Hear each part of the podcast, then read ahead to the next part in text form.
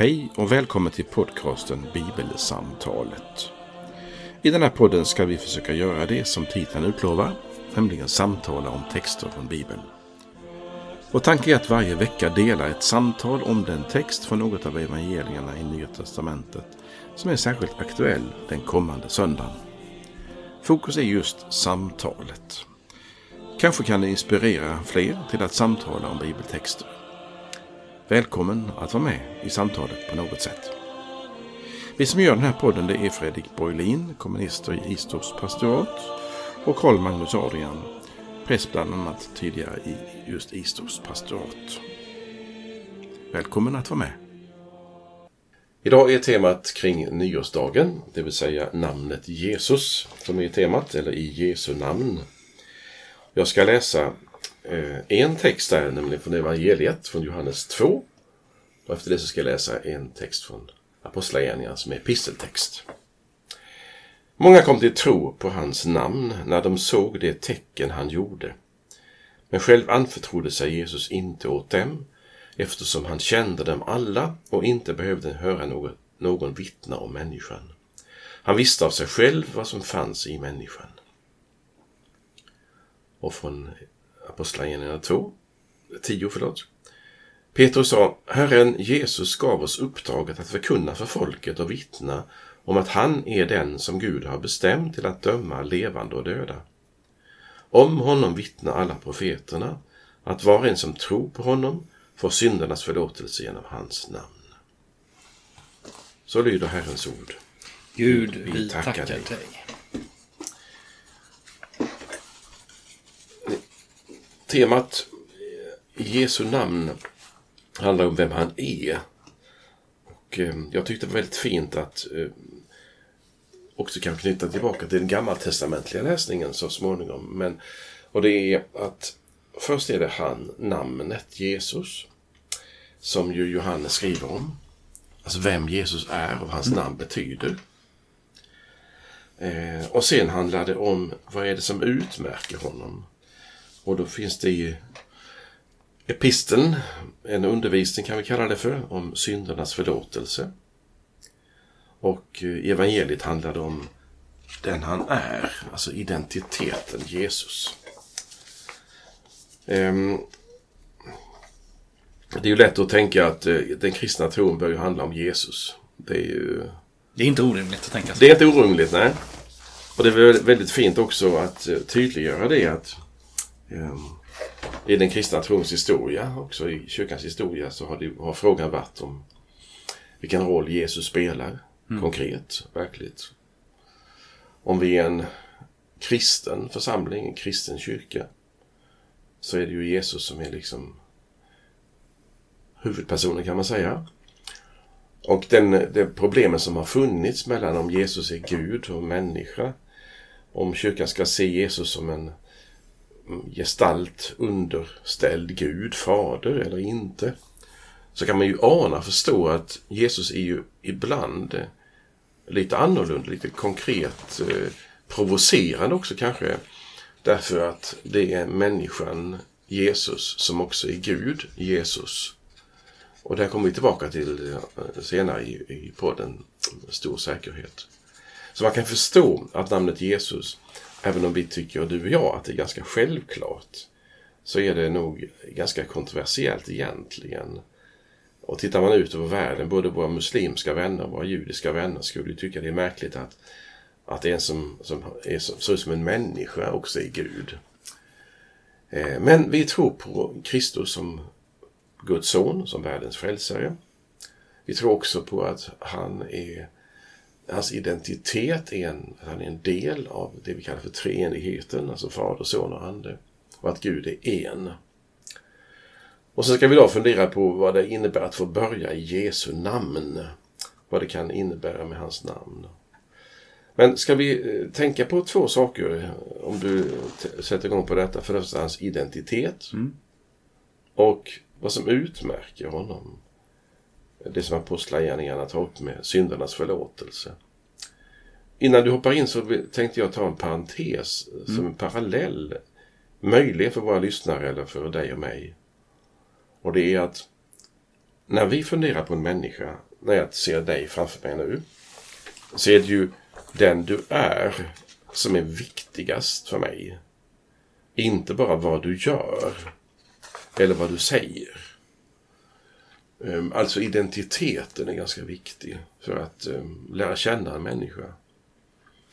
Och när man inte lär känna en människas identitet så, så får man en ganska ytlig bild kanske av människan.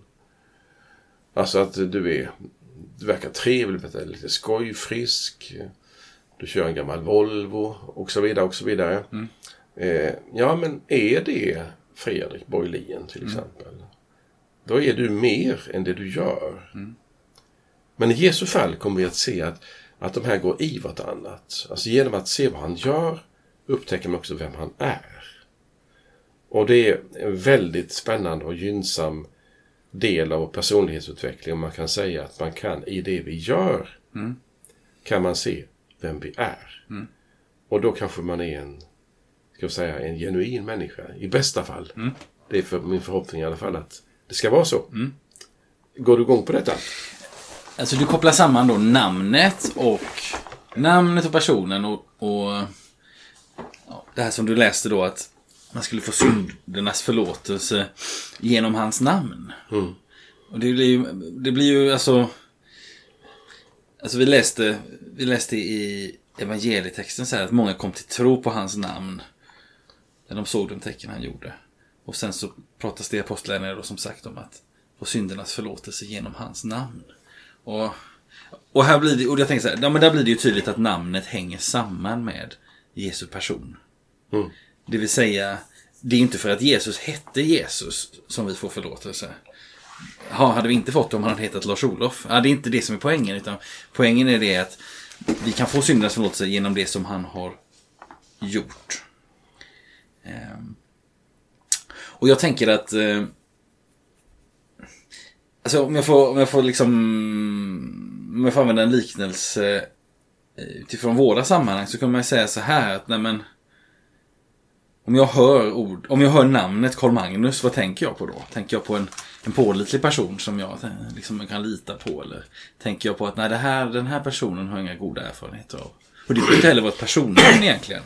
Det kan ju lika mycket vara namnet på ett företag om man tänker att eh, om jag hör eh, Kalles rörfirma eh, tänker jag att det här är någonting som jag vill lita på eller inte. Liksom. Eh, och så står det att de kommer till tro på hans namn. Och då tänker jag ju på något sätt att ja, men det måste ju ha att göra med att de har uppfattat vem han är. Eh, men det kan de ju samtidigt inte ha gjort. Vi är i kapitel 2 i Johannesevangeliet. Eh, det står att människor kommer till tro på hans namn när de såg de tecken som han gjorde. Det vill säga, det, det är ju en del av vem Jesus är, att han kan göra den här typen av tecken. Mm, men sen så säger ju Jesus själv i nästa, eller det står så här om Jesus i versen därpå. Men själv anförtrodde sig Jesus inte åt dem. Och det är ju intressant bara det. Det vill säga, döljer, vi får nästan anta att, eller så tänker jag i alla fall, jag vet inte vad du säger om det, men Jesus anförtror sig inte åt dem. Han verkar för nu, för tillfället, dölja en del av sin identitet. Så uppfattar jag det. Och så skriver Johannes, eftersom han kände dem alla. Det tycker jag är spännande att de kommer till tro på hans namn, men ändå vet de inte vem han är. Så uppfattar jag det. Vad säger, jag vet inte om du håller med om detta eller om du tycker att jag har kört i diket nu. Alltså, det är ju när det så att han, in, att han kände dem alla och inte behövde höra ett vittnesbörd om från dem. Alltså han vet vad de tänker och tycker. Mm. Han vet allt såsom varande Gud och mm. människa. Mm. Eh, och därför så behöver han inte fråga dem på det sättet som vi, eftersom vi inte känner varandra mm. riktigt, så behöver vi ställa frågor. Jesus känner oss. Och det tycker jag ju egentligen är början på den här texten. Och därför så, eh, när jag tänkte på hur jag skulle rubricera den här texten så är min första punkt Vi är kända av Jesus. Mm. Alltså det är någonting som gör, som är grunden för allting. Och det är att han känner oss. Mm. Och då kan vi tänka på Psaltaren 139. Han känner oss bättre än vi själva gör. Mm. Alltså han vet vilka vi är. Längst in. Eh, och jag tycker det är en bra start att sen komma från detta att han känner oss till att vi lär känna honom. Det är för mig en bra parallell. Och då startade med att Eftersom du sa det du sa nyss, som jag tror är riktigt också, att man kan inte förvänta sig att en människa som är ny i tron känner Jesus. Nej. Utan det är någonting som har gripit tag i mig. Till exempel, åh, han kunde bota en sjuk. Fantastiskt! Eller, ni skulle höra och så vidare. Alltså man är imponerad. Och vi ska inte förakta den här imponerade tron. Man är liksom impad. Men det är ju ingen mogen tro. Det är ingen insiktsfull tro. Utan det är att, ja, det drar i mig. Ungefär som att, man kan, vi skojar ibland, du har talat om det också när vi har vigslar och så, viger människor. Så kan man när man är ung tänka så att, ja, jag är kär i nu Lisa eller vad hon heter och det finns ingen annan i hela världen mer än hon. Jag kommer aldrig se någon annan flicka eller något sånt. Och så tänker jag, men det är klart du kommer att göra. För det finns ju, man kan bli förälskad, men det är inte samma sak som att man därmed går, går samman med en annan människa. Alltså vi kan bli impade av mä- mängder av saker. Mängder av människor. Det föraktar vi inte. Men det är ju ingen grundläggande relation som därmed har skapats. Och därför tycker jag det vore kul också, tänder du på det här med att eh, punkten ett, att du är känd av Jesus. Skulle, tycker du att det är en bra start på Jo men det är, en, texten? jo, men det är klart att det är klart att eh, det är en utmärkt start. Och jag tänker att det är också så här det det är en rimlig start för många samtal om vem Gud är och vilka vi är. Och liksom, eh, jag vet, jag sa någon gång, ska man aldrig, det är bara galningar som citerar sig själva, men nu gör jag det ändå. Att, eh, jag sa till, till konfirmanderna så här att poängen med den här tiden, det är att ni ska lära känna Gud. Det är inte att Gud ska lära känna er. Det gör han redan. Liksom. Och tänk att det är en bra utgångspunkt. Att, nej, men, Ja, det det. och så är det för mig också. Att eh, Gud känner inte mig bättre för att jag är konfirmerad redan eller kristen eller präst eller vad det kan vara. Utan vi är alla helt genom kända. Ja. Lika väl är det så att jag, då fastnar jag lite mer, då, eller då, då vill jag på något sätt skicka tillbaka den här frågan och tänka så här. Det här att, för jag, jag fastnar i detta att, Jesus inte anförtrodde sig åt dem. Och, och jag har ju på något sätt tolkat det som att Jesus han liksom, han berättar inte allt och det är ju på ett sätt rimligt. Att, nej men, de, han, han har sagt till dem lite tidigare, följ med och se och så. så men, men uppfattar jag dig rätt? Om du, att, att du uppfattade det här med att han inte anförtror sig på ett annat sätt? Eh, eftersom det står i samma mening som du sa nyss. Att Mm. han anförtror sig inte därför att han känner människan. Alltså han behöver inte lära känna en människa så som vi menar med att lära känna. För han vet. Mm. Sen kan han ju, vilket jag, nu går jag utanför ramarna, att han väl uppskattar att leva med människor. Mm. Som Jesus säkert, han har ju vänner. Så det är inte att han inte vill vara med sina vänner. Men han behöver inte vara med en person för att lära känna den personen på djupet som vi behöver göra. Och det här står i relation till första meningen. Vi är kända av honom. Och det kommer även tredje meningen ju. Det vill säga det är någonting som föregår vår upptäckt av Jesus och det är att han har upptäckt oss. Och känner oss och vill oss väl. Eh, eh, och jag tänkte på detta som du kanske anar utifrån det här med när Jesus i Johannes 15 säger jag kallar er inte längre tjänare utan vänner. Alltså det är någonting i relationen som förändras när man kommer nära Jesus. Vi kan ju tycka att han är spännande eller intressant i bästa fall. Eh, när vi är nya i, på vägen kanske. Eh, och, så, och så upptäcker vi att eh, han kallar oss vänner. Han drar in oss i en vänskapsrelation. Och då är det ju väldigt stort att tänka så här, tycker jag, att, att den som jag lite grann har lärt känna i, i alla mina år med Jesus, han känner mig utan och innan.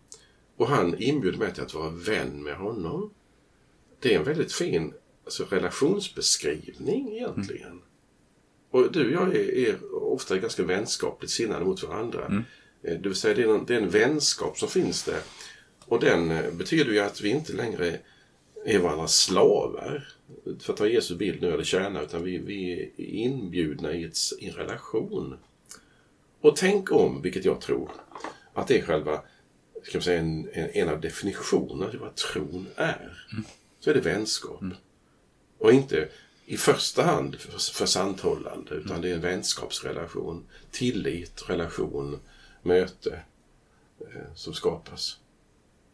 Och jag tänker, okej, okay, för jag, jag tänker så här men om, om jag åker och besöker dig Carl Magnus och så, så, ehm, och så, så tänker jag att ja, jag, har, jag har någonting här jag vill berätta om. eh, Och, så här, och vi ponera att vi känner inte varandra så väl men, men jag har någonting att jag vill berätta. Så här. Och så, så, så tänker jag så här, nej men jag ska inte anförtro mig åt honom. Mm. Förstår? Jag menar, då är det ju så att det är jag som, då är det jag som håller inne med någonting. Och, och liksom jag, jag, låter en, ja, vi kan kalla det, jag låter en skatt bli begraven, eller förbli begraven gällande mig själv, så att mm. säga. Och jag, jag, tänker att när det står att Jesus inte anförtroddes åt dem så, så uppfattar jag det som att men Jesus han, han liksom, han håller tillbaka delar av vem han är Jaha. för dem han pratar med. Och det, tänker jag, och det är ju egentligen inget konstigt. För, för jag tänker att, nej men, det kan vi se på så många ställen i evangelierna att liksom bit för bit uppfattas det vem Jesus är. Eller när Petrus på, får vi tänka, lär, alla lärjungarnas vägnar säger att ja, men, du är Messias, den levande Gudens son. Mm. Det är först då som Jesus börjar tala om, ja, men jag ska lida och dö. Det har det varit helt o, vad vi vet, så har det varit helt dolt för, för lärjungarna innan. att Först när de fattar vem han är, då måste han förklara vilken sorts Messias han är på något sätt. Ja, jag är helt med på det. Mm. För det, det, är så spännande att se mm. att dessa vänner som man kallar lärjungarna, de, ja. de tolv, mm. de har fattat så lite av poängen. Och tänker man direkt efter kallelsen i Johannes 1 skulle mm. berätta att han ska uppstå och att han ska fara till himlen. På, mm. Då skulle de säga, vadå? inte fatta någonting. Det. Och det handlar ju också om att det, det som du berörde på ett annat sätt än jag säger nu att trons mognad och utveckling handlar om att jag upptäcker mer mm. av hemligheten eller mysteriet kan man säga med, med Gud. Men att från början tycker man jag har koll på allt. Det vill säga, här är en undergörare som botar sjuka. Mm. Vad kul att vara med honom. Mm. Och tänk om han ska bli kung i, eller ersätta Pilatus i Jerusalem. Så mm. häftigt det vore. Mm. Det är den första liksom, an, eh, anknytningen till Jesus. Mm. Och den, den djupa anknytningen den kommer ju under senare och den kanske inte kommer förrän efter uppståndelsen. Ja, då, då faller poletten ner. Mm. Och därför, klart Jesus kan ju inte så säga, öppna upp hela sitt hjärta för dem. Mm. Säga, så, det här är hemligheterna. Utan han lever i relation till Fadern. Mm. Och det, det, är till och med så att eh, mellan dem finns också olika sanningar som inte är avslöjade. Eh, det Jesus på ett ställe ja. också ju. Och jag tänker också poängen är eller nu går jag, för det här går jag lite igång på. Det här att poängen är både detta att vi är Jesu vänner. Eh, men också att vi som liksom döpta och lärjungar eh, också har ett uppdrag att liksom Ja men ungefär säga det som någon av lärjungarna säger väl i första kapitlet i Johannes. Det vill säga följ med oss er. Det vill säga också eh, interagera med andra människor och försöka visa på Jesus på det sättet. Så det är klart att poängen är ju inte att man som vän med någon ska veta allt. Det gör vi ju per definition inte. Och det är ju till och med så att om någon visste allt om Fredrik Borlin så tror, är det tveksamt om de skulle vilja vara Fredrik Borlins vän. Om de liksom vet allt, alla tankar jag någonsin har tänkt och så vidare. Eh, och det är inte poängen här heller att, att vi ska veta allt om Jesus. Vi ska sträva efter att lära känna honom bättre. Mm. Men, men om man tänker så här, hur slutar Johannes evangeliet? Petrus och Jesus och de andra lärjungarna är på en strand. Och så har ju Petrus blivit, liksom, han blivit upprättad det här med har du mig kär och, mm. och, och, Jesus säger följ mig och det är också det första han säger till Petrus. Liksom. Eh, och så frågar Petrus så här, ja men han den där lärjungen, hur blir det med honom då? Han pekar på Johannes. Hur blir det med honom? Och, och, och, då säger Jesus, om han blir kvar tills jag kommer eller inte, vad rör det dig? Du ska följa mig. Det vill säga, det finns kanske ett långskott, men nu kommer jag att tänka på det. Ja men poängen är inte att vi ska veta allt utan att vi vi får veta tillräckligt. Mm. Också för att leva i den här världen. För nu lever vi ju som Petrus gjorde strax efter att Jesus hade sagt ja. de där orden har stigit upp. Det vill säga, vi vet inte allt. Nej. Och det är väldigt lätt att ta emot den bollen från dig. Att mm. om, om man kan säga att man, ingen har lärt känna dig till fullo. Nej. Eller mig till fullo. Så är det ju också så att vi, vi kanske inte är, har koll på oss själva heller. Nej. Och då talar jag om att när vi är friska och nyktra. Inte mm. på någon, inte, inte någon skojfrisk sätt utan jag är mycket seriös nu. Ja. Att jag upptäcker ju också att vem jag är i min utveckling det är också någonting som uppenbaras för mig. Har, har Gud gett mig de här gåvorna? Vill Gud detta med mig? Jag vet ju inte allt om mig själv. Jag har ju visserligen kontroll över vissa saker, men inte allt. Och då behöver jag ju för min egen utveckling behöver jag ju vänner som hjälper mig. Och det behöver inte Jesus uppenbarligen. Nej. Men du, ska vi släppa den här första delen med att vi är kända av Jesus? För att, Det skulle vi kunna göra. för att jag... Innan jag gör det får... Ja, Jag vill, säga, jag, tänkte, jag vill bara säga någonting om sammanhanget också. Eh, om jag får göra det. För jag tycker det är lite roligt. Ja, visserligen leder jag samtalet men... Ja, ja, men, men, men, kör, ja. kör precis men, men det, det, det, det skulle kunna komma in senare också. Eh, jag, jag, tänker, jag tänker på en sak kring, vad ska vi säga, eh, kring sammanhanget som detta är som jag tycker är lite intressant. Då tar jag min kommentar Gör det. först. Ja. Ja. Alltså, om eh, det här med att vi är kända av honom Mm. som en del av, av eh, starten på, berätt, på, på texten i evangelietexten på Mm. nyårsdagen. Så ligger ju i detta på något vis att, eh, eh, vad ska man säga? Jag sa innan att det finns olika definitioner på vad tro är. Eh, läser du i, i vissa sammanhang så upptäcker du att tro på, på hebreiska har att göra med något som är fast och något som är visst, något som är säkert och som är tryggt. Det är samma ord som ordet amen som vi har som låneord i våra gudstjänster till exempel. Eh, och då är liksom tro någonting som är tryggt, och, alltså med, med G, befäst och så. Eh, sen handlar ju tron också om att följa med och ha relation till. Och ser man på judiska sammanhang med tro så upptäcker man att, att tro är väldigt knuten till tillit och förtröstan. Och jag har ofta citerat ett cit- eh, från Martin Luther, en bok mot Latomos, en fransk teolog. Där skriver han att tro är tro när den gör dig till kyckling och Kristus till höna. Eh, tro är tro när den gör dig till kyckling och Kristus till höna. Eh, Det säger ju någonting om, om relationen och på vilket sätt vi umgås i trons liv. Eh, Och ibland har man i tros, eh, böcker om troslära för- försöka förklara vad, vad, den, vad den frälsande tron är för någonting. Och vad, vad den och vad försanthållande tron är. Jag minns någon konfirmand för jättelänge sedan frågade mig måste man tro på allt i trosbekännelsen för att bli konfirmerad? Och då tänkte han, eller hon väl, sådär att varenda rad där måste jag säga ja till. Annars klarar jag inte testet på konfirmationen. Jag gissar att konfirmanden gick igång på det. Eh, och så tänker man ibland att kan du tro på allt? Är det lika lätt att tro på uppståndelsen som att Jesus gick på vattnet eller någonting sånt? Eh, och då har vi ibland försanthållandet som är liksom en, en del av tron. Ja, naturligtvis finns det med. Men poängen när man ser evangelierna är ju inte det. Sen bekänner de ju sina, sin tro på Jesus på olika sätt, naturligtvis. Men det som kännetecknar tron, det är att de är tillsammans med Jesus. Relation till honom. De litar på honom. Det är trons fundament. Och därför tycker jag det är så bra när vi sen talar om vad Jesus gör och är. Nu, i andra delen av vårt samtal, så är det så fint att, att, att tänka att jag och du är kända av Jesus. Eh, och på det sättet så lever vi i en relation med varandra. Oavsett mängden av eh, kunskap eller insikter. Eller, det kan finnas någon som lyssnar på det här samtalet som tycker att eh, det här med bibeltexterna, det förstår jag mig inte på riktigt ordentligt. Nej, nej. Och då får man tänka, nej men det är ingen text som vi tror på. Vi tror på att Gud har blivit människa och Gud känner oss till exempel. Det var det jag tänkte säga innan jag släppte den punkten.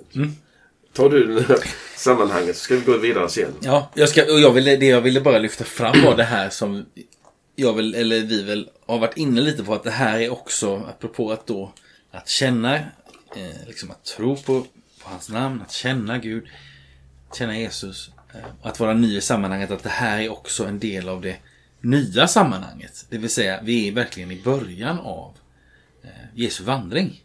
Alltså att, att, att man också är med, medveten om att det här, det här är inte ord som Jesus talar eh, kvällen, eh, när han, liksom sista kvällen med gänget. Utan det här är ändå väldigt mycket i början. Vi är i början av Johannes evangeliet. Han har kallat de första lärjungarna, han gjort Johannes talar ju om, det här är sånt här som jag går igång på, Johannes talar om sju tecken. Jesus har gjort ett av dem när han gör vatten till vin eh, vid bröllopet i Kana. Eh, det här utspelar sig i Jerusalem under en, Eh, under en påskhögtid.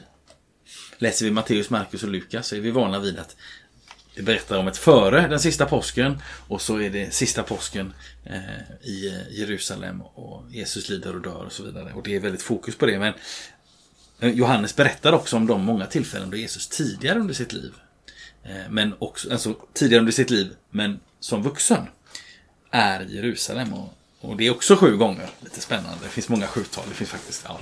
Vi, vi, vi, kan gå in på det en annan gång. Men, men, eh, och det här är det första eh, sådana tillfället. Så det, är, det är väldigt mycket i, i början av, eh, av allting skulle man kunna säga. Så det var det, det vill jag skjuta in. Ja, då kan man säga att det är ju bra att ha den tanken med sig när vi tänker på nyårsdagen. Mm. Det är dag ett Just det. detta året. Mm. Eh, och eh, att få börja igen. En del har ju eh, en dramatisk upplevelse av eh, natten innan nyårsdagen. Mm. Tolvslaget. När det, när det går över in i ett nytt år och så. Mm. Mer eller mindre dramatik kan kanske människor uppfatta om. Um, jag, det är inte min läggning precis att tänka på det sättet. Men jag tycker det är bra med detta att få börja Mm. i, på ett sätt igen. Som en ny dag. Alltså hur startar jag en, en dag som, som denna? Oavsett vilken dag det är. Jo, jag kan få starta med korstecknet. Jag kan få starta med trosbekännelsen. Jag kan få starta med välsignelsebönen. Jag kan få starta med Herre förbarma dig. Alltså jag överlåter mig i dens eh, händer, dens famn som känner mig så väl. Alltså det är i namnet Jesus som jag börjar en ny dag och ett nytt år. Och då, eh, om det är ett adekvat begrepp på nyårsdagen, vilket jag tycker att det är, Mm. eh, så kan man tänka, vad är det i namnet Jesus som är liksom poängen? Mm. Eh, och då handlar det ju om denna lite, ska jag säga, banala frågan, vad är Jesus för dig? Mm, det, det, ja, det kan låta banalt, men jag förstår, jag tror att jag kan bli förstådd att säga att vi har alla en, liksom en bild av Jesus. Mm. Vem är han för dig? Och då tycker jag det är bra att få, ibland få stanna upp inför det vi gör på våra samtal här. Att vi har en bibelsamtalspodd. Mm. Alltså vi grundar en del saker i texterna och så tänker vi runt det i frihet. Att begrunda det som sägs och så- och så. Och då kan jag ta upp några exempel. Eh, I namnet Jesus så finns betydelsen av hans namn, det vill säga Jesus, Josua, räddaren, frälsaren.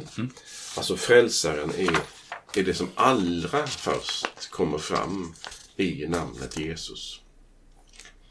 Eh, när man läser Matteusevangeliet så finns det där i kapitel 1 namnet Immanuel. Gud med oss. Visst är det ängeln som ger det till Josef? Va? Ja. Och det slutar också i kapitel 28 i Matteus. Jag är med er. Just det. Den inramas liksom. Och, det, och det, det är också en karaktäristik, också en identitet. Vem, vem är Jesus? Jo, han är Gud med oss. Eller det som jag hade som ingress idag. Den som känner oss. Jag, är- Vi är kända av Gud. Eh, och då är jag eh, känd av honom och jag har en frälsare. Eh, jag har också en förebedjare. Jag har en som är närvarande, alltså nam- Immanuel, namnet eh, som, Immanuel som det betyder. Eh, och då är det ju, tycker jag, en, en stor grej att tänka så här. Om nyårsdagens texter, de två jag läst inledningsvis idag, handlar om vem man är och vad han gör, så är det, ska vi säga, fokuserat på hans roll som frälsare. Eh, I, om man läser Gamla testamentet läsning så är det att nåden är ny varje morgon. Nåd, samma ord på grekiska som tack. Nåd och tack. Alltså jag står i en relation till någon som har gjort någonting för mig. Och den relationen som jag står inför, inför honom, det är den som är med mig alla dagar. Och därför tycker jag det vore, vad ska man säga, ganska självklart att fundera på varför frälsaren är så viktig att starta med. Man kunde tänka sig att det finns andra delar av bilder av Jesus. Till exempel den som sträcker ut sina händer som Thorvaldsens Jesus gjorde och säger Kom till mig, ni som är trötta. Eller den som eh, har så fantastisk undervisning i Bergspredikan eller mm. Hos Lukas. Eller, eller den som är så eh, tar hand om de fattiga och sjuka och utstötta människor. Eller den som kritiserar makten. Mm. En sån Jesus Den profetiska Jesus. Ja. Eh, och då tycker jag det finns någonting här i starten som är väldigt tydligt. Man ska inte förakta de andra bilderna mm. som finns av Jesus, inte alls. Inte på något sätt. Men det finns någonting som är liksom utmärkande, mm. som ligger högst på listan. Ja. Och det är att Guds son är världens frälsare. Mm. Ja, håller du med om det? Ja, ja, ja, ja in, in, inledningsvis vill jag säga att jag håller med om att Guds son är världens frälsare. Så har vi rätt ut det. Eh, och jag, nej, men jag tänker också så här. Jag håller med om det, för det gör det också tydligt. Vem är det som överhuvudtaget gör någonting här? Och det är Jesus, det är Gud som har blivit människa för oss. Det är mm. inte vi som klättrar upp till honom, det är han som kommer ner till oss. Och jag tänker, det är klart att då skulle någon säga så här, men det är väl det, är väl det viktigaste varje dag. På, på året. Mm. Första januari, sista december och allting annat. Jo, det är sant. Och det, så är det verkligen. Men man kunde, man kunde också tänka så här, fast det finns ett dike. Ett, ett inte helt bra dike. Som vi är extra benägna att köra ner i på nyårsdagen. Mm -hmm. Och kanske första veckan i januari. Och det är, nu ska jag ta tag i mitt liv. Nu ska jag bli en bättre människa nu ska jag motionera, sluta äta pizza eller mm -hmm. du förstår vad jag menar, sluta ja, ja. Med, med, nikotin eller vad det kan vara. Så tänker vi människor och det behöver inte vara fel att, att, eh, att eh, motionera. Liksom. Men vi kan inte överföra det på trons liv med Jesus. Vi kan inte tänka att nu, nu, ska, jag, nu ska jag bli en, nu ska jag bli, eh, nu ska jag göra en massa, nu ska jag ha tio nya andliga nyårslöften här. Det finns, en mycket, det finns en fara i att jag på ett eller annat sätt, medvetet eller omedvetet, tänker att för då, då behöver Jesus inte vara min frälsare. För jag har så många fina nyårslöften mm. som jag lever efter i, och det går säkert bra i flera timmar. Då finns risken att jag glömmer bort att just det, Jesus behöver ju vara även Fredriks frälsare. Och inte bara eh, läraren eller förebilden eller profeten eller brodern. Men hur länge tror du att de här eh, goda föresatserna håller i sig då? jag tror att de håller extremt kort tid om jag känner mig själv. men, jag tänker, men jag tänker att det är särskilt viktigt på nyårsdagen att, att ja. jag får uppfatta att Jesus är min frälsare. För att, så att, så att, det är inget fel att vara hurtig rent allmänt. Men, men en hurtighet gör också att vi, vi missar någonting. Men jag, jag tycker, jag, jag tror att det är en poäng i det du säger. Absolut. Mm. Eh, för att eh, även om vi skojar om nyårslöften ja. så kan det ligga väldigt seriöst ändå hos oss. Ja, absolut. Jag skulle vilja mm. göra någonting mm. till exempel. Och läser vi intervjuer så inser man ju att det finns mycket av det tänket hos oss. Mm. Och det är inte dumt alls. Mm. Eh, jag ser, har en lite annan infallsvinkel på detta har jag upptäckt med åren. Eh, jag har just andra sådana här saker mer än att, kanske inte att jag ska gå tre kilometer varenda dag. Utan jag har haft andra saker i mitt liv som jag liksom, nu ska jag verkligen satsa på det och det och det och det. Och, så. och det har gått ibland, men inte alltid. Eh, och då undrar jag, vad är det som, som kan hjälpa mig att även ta fasta på de här sakerna som jag borde tänka på? Till exempel att motionera eller vad mm. det handlar om. Och så. Mm. Eller öva mer orgel eller någonting sånt. Mm. Jo, när jag upptäcker Jesus, som för det första är vän till mig. Mm. Han känner mig. Så är han min frälsare. Mm. Eh, ibland när jag stannar inför detta så blir jag så jag blir så tacksam. Jag blir så glad. Så det är någonting som händer med mina axlar. De sjunker ner. Ja, Och så tänker jag, ja men tänk om jag bara får vara. Ja. Bara får vara. Bara sitta där och få vara. Och har, har vi några i livet goda relationer till människor mm så kännetecknas de bästa relationerna av att jag kan bara vara. Mm. Motsatsen till de här relationerna det är de här, när man träffar människor ibland och jag kanske är likadan så att jag, jag vill inte klanka någon eller några utan mig själv men att det är som att vi träffas för att ha informationsutbyte. Mm. Men det kan inte vara poängen. Eller för att imponera på varandra. Ja, utan detta att få vila. Och tänk då om det finns en som känner mig mm. och som är min frälsare. När jag upptäcker som du antyder nu att jag kanske ganska snart på ny nyårsdagen upptäcker att jag, det, allt föll av mina goda föresatser.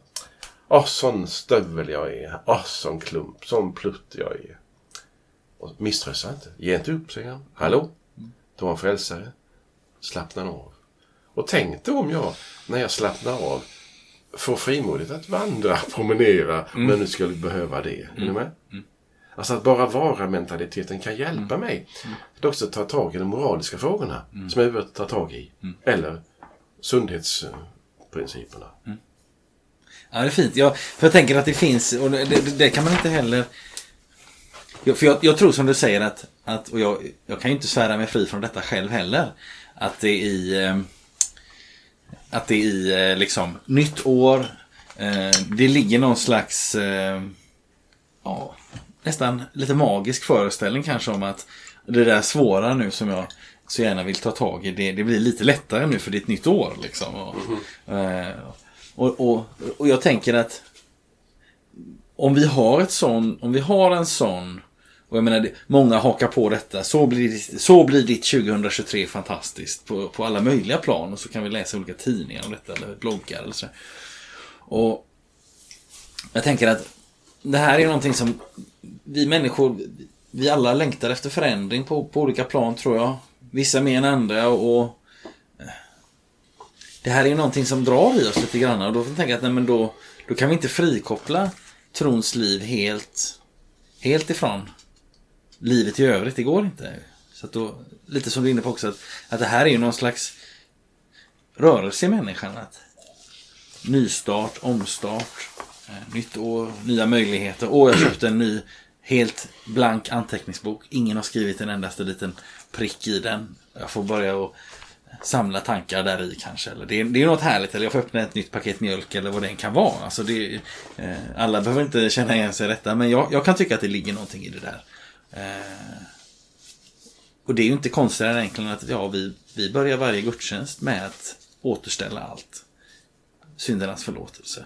Alltså att, men, men, och då är det viktigt att se Ja, syndernas förlåtelse denna morgon det beror inte på de nyårslöften jag formulerade igår. Nej, Det beror på att Jesus har dött för mig. Och tänk också det om det om allting invävt. Alltså hans namn betyder frälsare. Han är frälsare. Han är Guds son. Eh, och t- tänk då om jag av och till beroende på också stämningsläget kan tycka att jag behöver någon att dela det här med. När du tar upp det här med nyårslöften eller, eller nyårsnojan eller vad det handlar om. Jag har blivit äldre och när ska jag dö? Alltså, det, det kan ju komma mycket sånt. Absolut. Vem delar jag detta med? Då är det inte bara att ta fram liksom Jesus, skuldbefriaren. Utan det är han som är med mig. Så jag får ju tänka högt om detta med honom. Jag får berätta för honom att jag borde haft dessa tre nyårslöften. Men jag orkar inte med dem. Om du är med mig Jesus så var du med i detta också. Ta hand om detta. Eh, och då upptäcker man att det är både då närvaron och det du sa att vi får starta med i gudstjänsten. Att dumpa av det där som är misslyckandet igen. Och både skulden och skammen får man liksom lämna. Det man inte orkar med. Och det som inte blev bra, som jag hade hoppats i fjol. Finns det en chans nu? Och, och vill man då se livet som avgränsade eh, faser. Tänk om det ska bli bättre i år, möjligen. Och så. Och då tror jag att det finns en, en insikt att jag får dela detta med livet som jag lever med honom som vet vad det är att vara människa. Han känner det utan och innan. Det är väldigt bra. Så fast vi, vi betonar frälsaren som, som nyckelord i, i namnet Jesus så innebär det så mycket eftersom han kallar oss för vänner. Till exempel. Sen finns det ju, jag tänker också här, man måste, man kan inte bara peka på detta med, med nyårslöftena som, visst det är, det är en fara, men jag tänker också att det finns en, också, det är också något mycket uppmuntrande.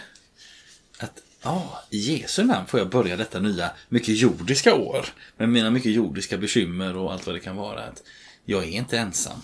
Utan det är också, eh, så att säga, i någon mån så finns det ett löfte till mig som någon har gett och som faktiskt är undertecknat med blod. Att jag är med. Och det är också, så att säga, det är ett... Jag vet inte hur det är med människor om vi skulle göra en eh, undersökning, ringa upp hundra personer här i vår närhet och fråga ditt, i- om, om de har några nyårslöften, påminner de om nyårslöftena från förra året? Jag, jag gissar att våra nyårslöften ofta är besläktade med varandra. Säkert är det så. Så att, att nu, nu, nu tänker jag det här, men förra gången så tänkte jag det här och, och det rör sig kanske i samma sfär. Vad vet jag. Och, och, och då kunde man översätta det och tänka så här att, och säga följande. Att, ja, men Jesu nyårslöfte till oss, det är alltid exakt detsamma. Det, är inte, det är inte någon slags utvecklingslära eller så, utan det är, jag är din frälsare, jag är, jag är med. Jag är med. Ja. Ehm, jag tycker det är bara komplement i detta. Jag antyder att det finns tre texter varje söndag ju. Det, det vet vi ju. Japp. Jag läste två. Jag tänkte läsa den tredje. Ja. Alltså gammaltestamentliga texten. Eh, och se vad den hjälper oss att tillföra eller komplettera. Eller parallellställa. Ja, ja. Herrens nåd tar inte slut. Hans barmhärtighet upphör aldrig. Varje morgon är den ny. Stor är din trofasthet. Min andel är Herren, det vet jag. Därför hoppas jag på honom. Herren är god mot den som kommer till honom, mot den som sätter sin lit till honom. Det är gott att hoppas i stillhet på hjälp från Herren. Jag ska först ha en sån där livsexistentiell upplevelse som jag har förstått att jag delar med väldigt många. Eh, när jag är trött på kvällen, eh, kanske av, av mycket arbete eller, eller av bekymmer, eh, så är det en osalig blandning av arbete och bekymmer och trötthet. Det blir liksom en, det blir en gröt av det. Så jag kan på kvällar ibland vara lite ja, melankolisk, är väl bara förnamnet. Så lite, ja, sådär lite, oj, hur ska det gå? Så. Och så får jag säga som det är. Inte mer, inte lägga till någonting, inte ta bort någonting. Och så upptäcker jag på morgonen efter att det är någonting som har hänt. Och, och då har det, då har det, liksom det fysiska, det fysikaliska, att få sova, har, har bidragit till att hjälpa mig. Och det insåg jag att mina kvällsbekymmer igår, de var betingade bland annat av trötthet. Tänk då om, om det här finns med i en del av bibeltexterna som ju är verkligen livsbejakande. Så påminner och glöm inte att nåden är ny varenda morgon. Alltså det, det, det, det är liksom färska frallor varje morgon. Släng det brödet från igår. Eller ge det till hönsen i alla fall. Eh, alltså det finns en ny nåd varje morgon. Eh, och den... Eh, det kan jag uppleva. Bor man vackert har man utsikt över en liten miniträdgård eller en stor trädgård och man ser så finns det någonting i sinnena som är när jag hjälper oss att få tänka att eh, nu är det en nytt år. Det är ganska mörk period på året också kring nyår. Ehm, och man kan tycka att en del av personer är ju vinter och höstdeppiga och andra är det på våren. Att man liksom går ner i varv, man går i ide och så. Och så uppmuntrar Herren oss och säger glöm inte. Ny nåd varje morgon. Och det är ungefär som att säga, men glöm inte varenda nyårsdag på nytt. Eller varenda första advent, varenda dag är han densamme som är med dig hela tiden. Jag tycker det är fint när det samverkar med om jag tänker att min trötthet och mina bekymmer är en del av, av det mörka så kan man också säga att synden och det onda är också en del av det mörka. Och det inser jag att ja, det är inte någonting jag behöver dölja för min Herre. Jag är ju känd av honom, han vet ju vem jag är. Och så ger han mig ändå tillfred, till, tillträde till sig själv. Och så ger han en ny nåd varenda morgon. Skulle det då vara så att jag just nu kämpar med dåligt samvete eller någonting jag ska göra upp med med någon bekant som jag varit oförskämd mot. Så ring samtalet, be om förlåtelse och upptäck att du får också ge en ny nåd varje morgon. Du får också ge en ny möjlighet varje morgon. Och så står det då att hoppas på Gud. Det är också väldigt fint. Mm. Vill du säga någon kl- slutkläm innan jag avslutar till detta? Eller? Ja, kan jag göra en liten framåtblick då. Ja. Ehm, inte så mycket kanske på... Eller så kan det vara det. Detta nya år. Ehm, eller vad händer sen? Vi pratade tidigare om att ehm, Jesus anförtrodde sig inte åt dem. Eh, så han håller inne, han, han visar sig för oss bit för bit. Eh, och då kan man undra, kan en människa fråga sig vad, vad vill jag veta mer då? Eller vad, vad, skulle jag behöva just nu i mitt liv? Eller vi kan också förutsättningslöst fråga, ja, men vad är nästa steg? Undrar vad, vad, vad vill Gud? Det är lite spännande. Det är som en svamppromenad i skogen. Vad, vad kommer dyka upp härnäst? Ja. Liksom? Eh, och då man tänker så här, men Jesus får i, i, i liksom, vad händer sen? Johannes 3. Jesus får besök av Nikodemus. Nikodemus säger så här. Rabbi, vi vet att du är en lärare som kommer från Gud. Ingen kan göra de tecken och under. Eller ingen kan göra de tecken som du gör om inte Gud är med honom. Eh, och så kommer liksom svaret på det. Alltså, ja, jag, kan, jag kan läsa några verser till. Det står så här. Apropå att Jesus visar mer av vem han är. I, i Johannes 3, 13 och framåt. Ingen har stigit upp till himlen utom den som stigit ner från himlen, Människosonen. Liksom Mose hängde upp ormen i öknen så måste Människosonen upphöjas för att var och en som tror på honom ska ha evigt liv. Så älskade Gud världen att han gav den sin enda son för att de som tror på honom inte ska gå under utan ha evigt liv. Ty Gud sände inte sin son i världen för att döma världen utan för att världen skulle räddas genom honom. Den som tror på honom blir inte dömd men den som inte tror är redan dömd eftersom han inte har trott på Guds enda sons namn. Som vi sa att Jesus på något sätt håller saker tillbaka eller liksom bit för bit så oj här. Men det kommer ganska mycket. Mm. Eh, vi får snart reda på, eller får snart del av att mm. här finns mycket att upptäcka.